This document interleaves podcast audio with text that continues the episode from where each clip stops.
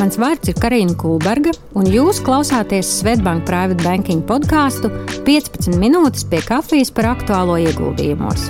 Kopā ar maniem kolēģiem apspriedīsim karstākos nedēļas notikumus finanšu tirgos un labklājības veidošanas tēmās. Ik nedēļu kompaktā un nepiespiestā 15 minūšu sarunā. Klausieties mūsu podkāstu Spotify Svetbank Private Banking kontā, spiediet follow un zvani ikonu, lai nepalaistu garām jaunākās sarunas. Lai labi skan un uz tikšanos! Labdien, mūsu klientiem! Šodien tiekamies jau 34. epizodē, un šodien esmu kopā ar savu kolēģi Māru Janētu. Māri, čau! Čau, arī. Un šodien parunāsim par to, ko mēs ar Māriju esam vairāk kārt šogad tikušās un runājušas. Un tas ir par pasaules zināmākajiem investoriem un kādi ir bijuši viņu ieguldījumu lēmumi šogad, pēdējā, tā skaitā pēdējā ceturksnī, un kas vēl interesants par viņiem ir vērojams. Priekš manis vispār šī epizode tāda ļoti īpaša, jo galu galā tā ir pirms pēdējā, kurā piedalos. Un īstenībā gribu sākt tieši ar Varenu Buffetu un Berkshire Hathaway, jo par to bija pat, pat, pat pirmā šī podkāstu sērijas epizode. Tātad, nu, tādā sāku ar viņiem, un arī pirmspēdējā vēlos atkal uz viņiem atsaukties. Un Varenam Buffetam, kuram pašam šī gada augustā palika jau 92, bet viņa ilgadējam kompanionam tūliņ, tūliņ 1. janvārī paliks 99 gadi. Un, nu, manuprāt, salīdzinājumā ar visu pasauli, skatoties, kā ir klājies šie Berkshire Hathaway um, ieguldījumiem, nu, viņiem ir klājies visai labi, jo šobrīd šī gada rezultāti parāda to, ka principā, ja S&P nu, vidē ir zaudējis kādus 20% un ir mīnusos bijis, tad Berkshire Hathaway performance ir pat mazliet, mazliet augus vai bijusi ap nulli. Un, protams, kas mums ļoti viss šajā interesē, nu, kā tad viņiem tas ir izdevies. Ir pāris tādi acīm redzamie efekti, ko noteikti ir jāpiemina, jā, jāuzsver, jo Berkshire Hathaway pieder arī diezgan liela akciju pakete naftas ražotājā Chevron, kas ir Dove indeksā, Dow Jones indeksa vislabāk performējušai akcija šogad, augus vērtībā par apmēram 50%. Un tāpat Berkshire īpašumā ir arī Occidental Petroleum, kur vērtība šogad pieaugusi par 100%. Papildus tam, nu, kas, protams, ir diezgan svarīgi šādos laikos, kad ir arī uh, tādas varbūt izaugsmas brīžos netik ļoti novērtētas uh, akcijas vai ieguldījumi, uh, kas ir tādas plašas patēriņa precēs, kā gadījumā, nu, ko mēs visi ļoti, ļoti labi zinām par Varenu Buffetu. Protams, kad ieguldījums Coca-Cola, par ko viņš pat ir uzrakstījis, manuprāt, vismaz vienu grāmatu un piemin šo kā tādu vienu no saviem top ieguldījumiem katrā no savām, savām grāmatām, bet tāpat arī ieguldījumi ieguldījums Kraftheins uzņēmumā. Uh, viens no nesenākajiem nu, portfeļu ieguldījumiem, ko izdarīja Berkshire Hathaway un par ko ļoti, ļoti skaļi runāja presē, bija viņa ieguldījums Taivānas Semiconductor Manufacturing kompānijā, uh, kurā, uh, kurā ieguldīja Berkshire Hathaway trešajā ceturksnī. Nu, un rezultātiem pašā Semiconductor kompānijā varējām redzēt to, ka būtībā viņu rezultāts tajā brīdī, kad viņos nolēma ieguldīt um, Buffets, pieauga ļoti īsā laikā, pat gandrīz par 10%, ņemot vērā, nu, cik liela nozīme ir šim te Varena Buffeta lēmumiem. Eh, kas jāatzīmē, es domāju, ka arī vairāki no mūsu klientiem ir eh, tieši vai pastarpināti ieguldījuši šajā eh, uzņēmumā, kas ir viens no pasaules lielākajiem mikroprocesoru čipu ražotājiem, kas tiek izmantoti gan vied, viedtālruņos, mūsu, gan datoros. Un, protams, viņiem ir arī ļoti, ļoti dziļa saikne ar tādiem lieliem uzņēmumiem kā Nvidia un, un tālāk citiem arī ražotājiem. Interesanti jāpiemina arī tas, ka es zinu, ka Maija mazliet runās tālāk par Reidalijo, bet uh, Buffets faktiski nebija vienīgais, kas izvēlējās ieguldījumus Taivānas semikonduktoru kompānijā, bet arī Reidalijo uh, saprot, ka arī ir savus papildinājums, savus ieguldījumus tieši šajā uzņēmumā. Nu, tas, ko analītiķis stāsta, kad ņemot vērā to, ka Buffetam jau kādu laiku ir ļoti nozīmīga daļa Apple, tad, protams, tas ir savā ziņā loģiski, ka viņš tātad arī vienā no Apple lielākajiem piegādātājiem čipu procesoriem Taivānas Taiwan Semiconductor kompānijā iegādājās daļas. Um, nu, kas vēl varbūt jāpiemina, kas interesanti, kad uh, analītiķi novērojuši to, ka tiešām tāds Buffets šo savu investīciju daļu tieši tehnoloģiju uzņēmumos savu portfeli ir būtiski nu, palielinājis pēdējo kopumā, pēdējo gadu laikā, pie, papildinot gan ar Apple, gan ar Amazon, gan ar HP daļām. Nu, līdz ar to šo, šajā brīdī tas portfels ir vairāk sabalansēts starp ne tikai šiem klasiskajiem segmentiem, bet arī pārstāv tehnoloģijas, kas man likās vēl varbūt interesanti piebilst, kad bija bija vēl trīs ieguldījumi, kurus veica Berkshire Hathaway. Un, kas interesanti, ka visi tie trīs ir saistīti ar būvniecības nozari.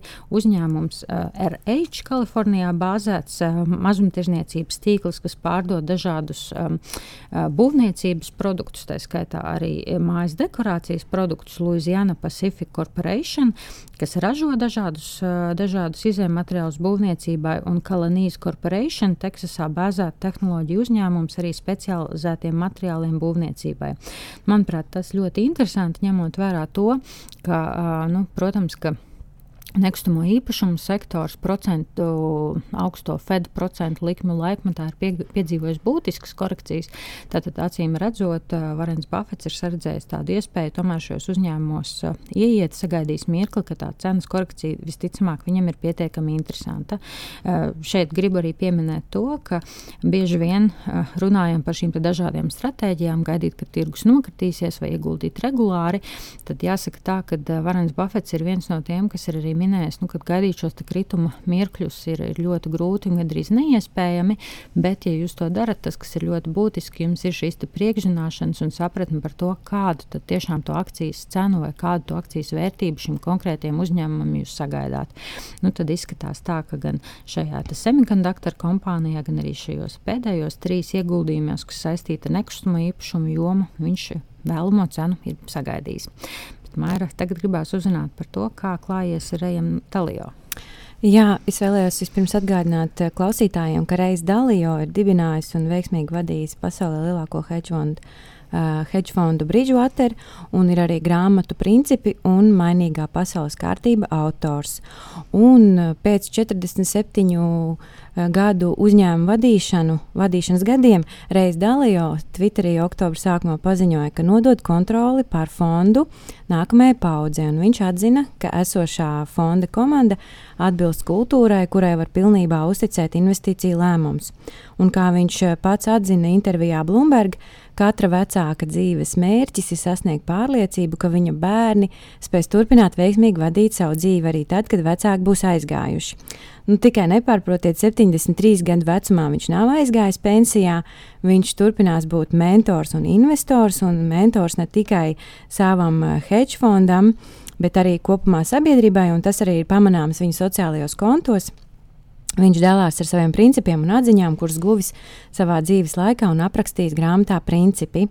Un, kā atceramies, tad reiz Dalio bija tāds uh, liels Ķīnas atbalstītājs un piekritējs, jo par to viņš arī runā savā grāmatā Mainīgā pasaules kārtība.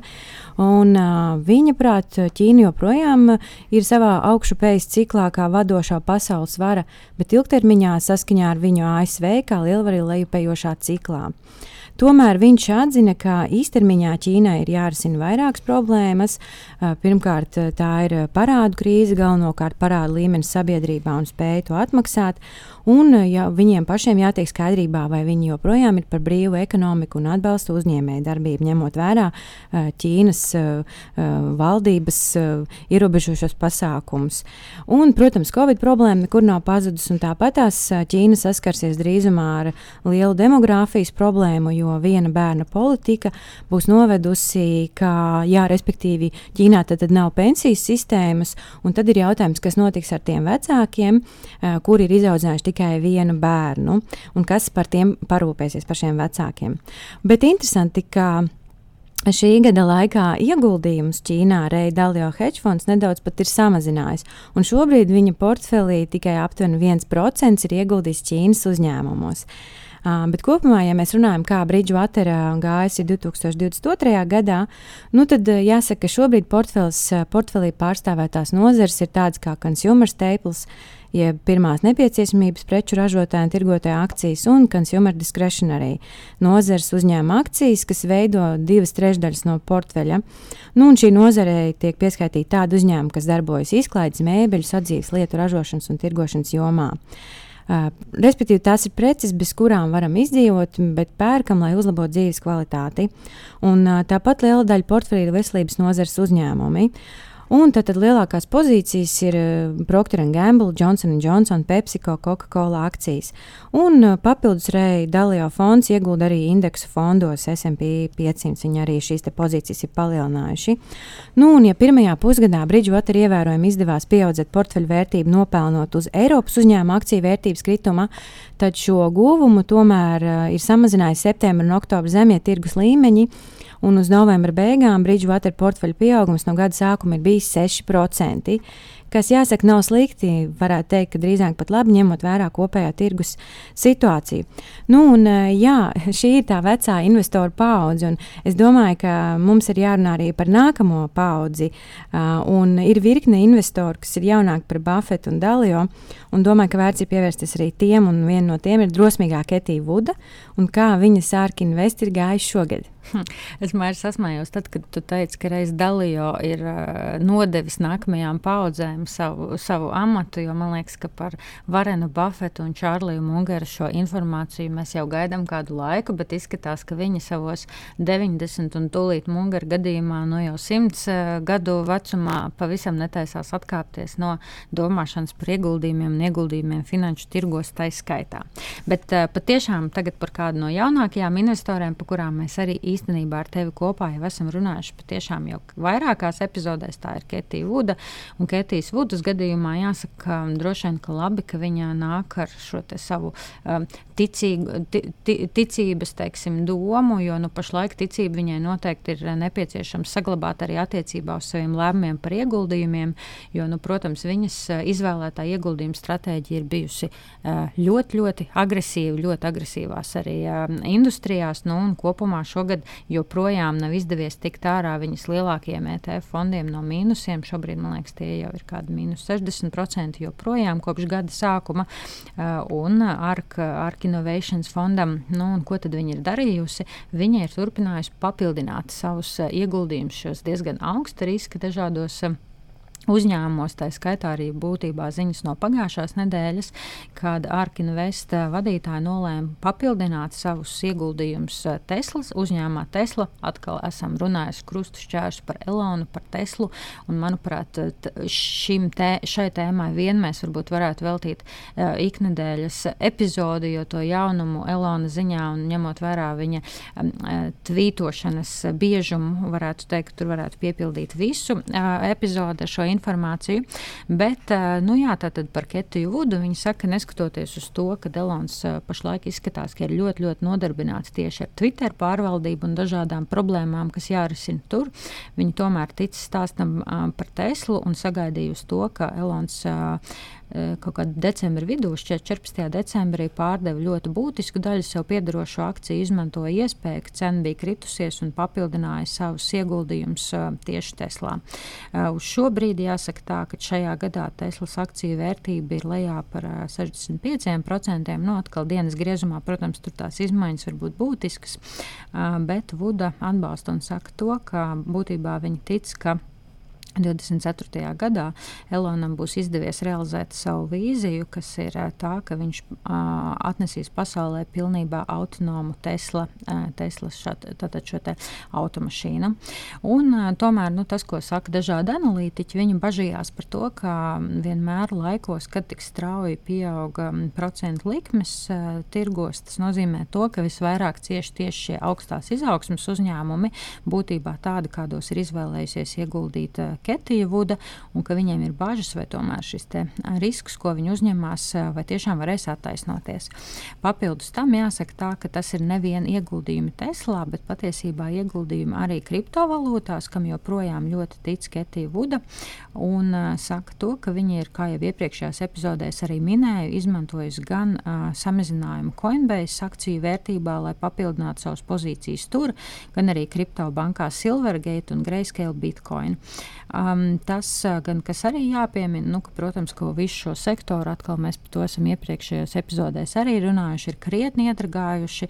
Uh, tātad kripto biržas FTX, Sama Bankmana stāsts, kas mums būtībā ir katru dienu vērojams arī, um, arī mēdījos, tā attīstība, uh, bet neskatoties uz to, Ketija Vuda saka to, ka viņas, uh, viņas tātad interese par kriptovalūtām un uh, kriptoaktīviem kā vērtību joprojām saglabājās un ka viņi tam tic. Nu, līdz ar to jā, Coinbase akcijas šobrīd no gada sākuma ir lejā par 85%, bet joprojām viena no izvēlēm viņas portfelī. Maija, es zinu, to, ka tu esi paskatījusies arī uz dažādām citām prognozēm, ko par tālāku tirgu attīstību domā Ketija Vuda un viņas Arkinvest. Nu jā, Ketija Vuda joprojām uzskata, ka kripto ir nākotne arī, kā tu teici, un, un viņi to salīdzina ar vienu uzņēmumu, Apple tirgus kapitalizāciju, kas šobrīd ir virs diviem triljoniem. Savukārt pēc šī gada krituma kriptovalūtu kopējā tirgus kapitalizācija ir tikai 322 miljārdi. Ja? Tad, tad visa kripto pasaule ir daudz mazāka par vienu uzņēmumu. Un viņi saka, ka šobrīd ir labs laiks, kad ir jāveido labs pamats ieguldījumiem kripto un jaunās tehnoloģijās, jo viņas, viņa sagaida un viņa arī ir aprēķinājusi, ka to vērtība tuvākos 10, 15 gadus palielināsies 30 reizes. Viņa arī teikusi, ka tas, ka bitkoins ir pierādījis savu stabilitāti, uh, liecina par to, ka pēc FTX uh, šī bankrota uh, tomēr daudz sagaidīja, ka bitkoins nokritīs līdz 12,000 vērtībā, bet uh, tomēr viņas, viņa apstājās kritums pie 15,000. Nu, vai tā būs, redzēsim, bet man arī šķiet interesanti pieminēt arī tādu investoru, par kuru mēs iepriekš neesam runājuši, eh, Maikls Barijs, par kuru ir uzrakstīta grāmata un uzņemta filma The Big Short, jeb latviešu gadsimta likme. Un Maikls Barijs ir um, savu popularitāti un bagātību ieguva ar to, ka viņš prognozēja 2008. un 2010. gada nekustamā īpašuma burbuli un problēmas, kas izraisīta aplīšanu. Kā viņš pats saka, arī Twitterī, protams, ka viņš ir visus brīdinājis, bet neviens viņā neklausījās. Jā, viņš nopelnīja liekot lik, likmi uz tirgus kritumu 2008. gadā. Un viņš ir populārs ar īso pozīciju stratēģiju, spēlējot uz tirgus kritumu, kā mēs redzam, dažādi investori ar dažādām stratēģijām. Uh, arī šobrīd viņš prognozē milzīgu korekciju, un vai viņa prognozes piepildīsies, redzēsim. Uh, nu, katram vienu reizi var uzsmaidīt veiksmi. Interesanti, ka savā portfelī Sājona Asset Management šobrīd viņam ir tikai sešas pozīcijas, un lielākā no tām sastāda 37% no portfeļa ar kompānijas Geogroup akcijām. Geogroup nodarbojas ar korekcijas iestāžu, tā skaitā cietumu un psihiatrisko klīniku ēku uzturēšana, apsaimniekošana un pilna servisa nodrošināšana, tādu kā transports, uzraudzība pēc atbrīvošanas, rehabilitācija un iekļaušana sabiedrībā. Uzņēmums apsaimniekos 102 centrus, lielākā daļa no tiem ir izvietota ASV, bet daļa ir Dienvidāfrikā un Austrālijā. Geogrupa akcijas vērtība no māja ir pieaugusi par aptuveni 100%, tā kā visticamāk viņa investīcija ir attaisnojusies. Tā kā Maikls Barijs ir viens no slikto scenāriju atbalstītājiem, Un viņš prognozēja arī šoreiz dziļu recesiju, Kas zina, iespējams, pieaugs arī pieprasījums pēc cietumiem un psihiatriskām klinikām. Nu, katrā ziņā es vēlu mums visiem, kā ieguldītājiem, vēsu prātu un aicinu izmantot reidalījo metodu, meditāciju, lai teiksim, šajos uh, turbulentajos laikos nomierinātu sevi. Nu, jāatgādina arī, ka ne tikai meditācija, bet iespējams tāda laba diversifikācija jūsu ieguldījumu portfeļos gan pa dažādām jomām, gan pa geogrāfijām var būt tas, kas papildus meditācijai to prātam mieru iedos par saviem ieguldījumiem. Bet, nu, kopumā šī mūsu pēdējā epizode pirms Ziemassvētkiem. Līdz ar to paldies Maija, par sarunu. Paldies. Un novēlam mūsu klientiem priecīgus svētkus, lai mierīgi. Priecīgus svētkus! Audio saturā dzirdētā informācija nav uzskatāms par ieguldījumu konsultāciju vai ieteikumu slēgt finanšu tirgus darījumus vai ieguldīt finanšu instrumentos. Paldies, ka noklausījāties mūsu sarunu šodien. Atgādinu, ka, lai nenokavētu jaunākās epizodes, spiediet follow un zvaniņu ikonu Spotify kontā Svetbank Private Banking, lai laba diena un uz drīzu tikšanos!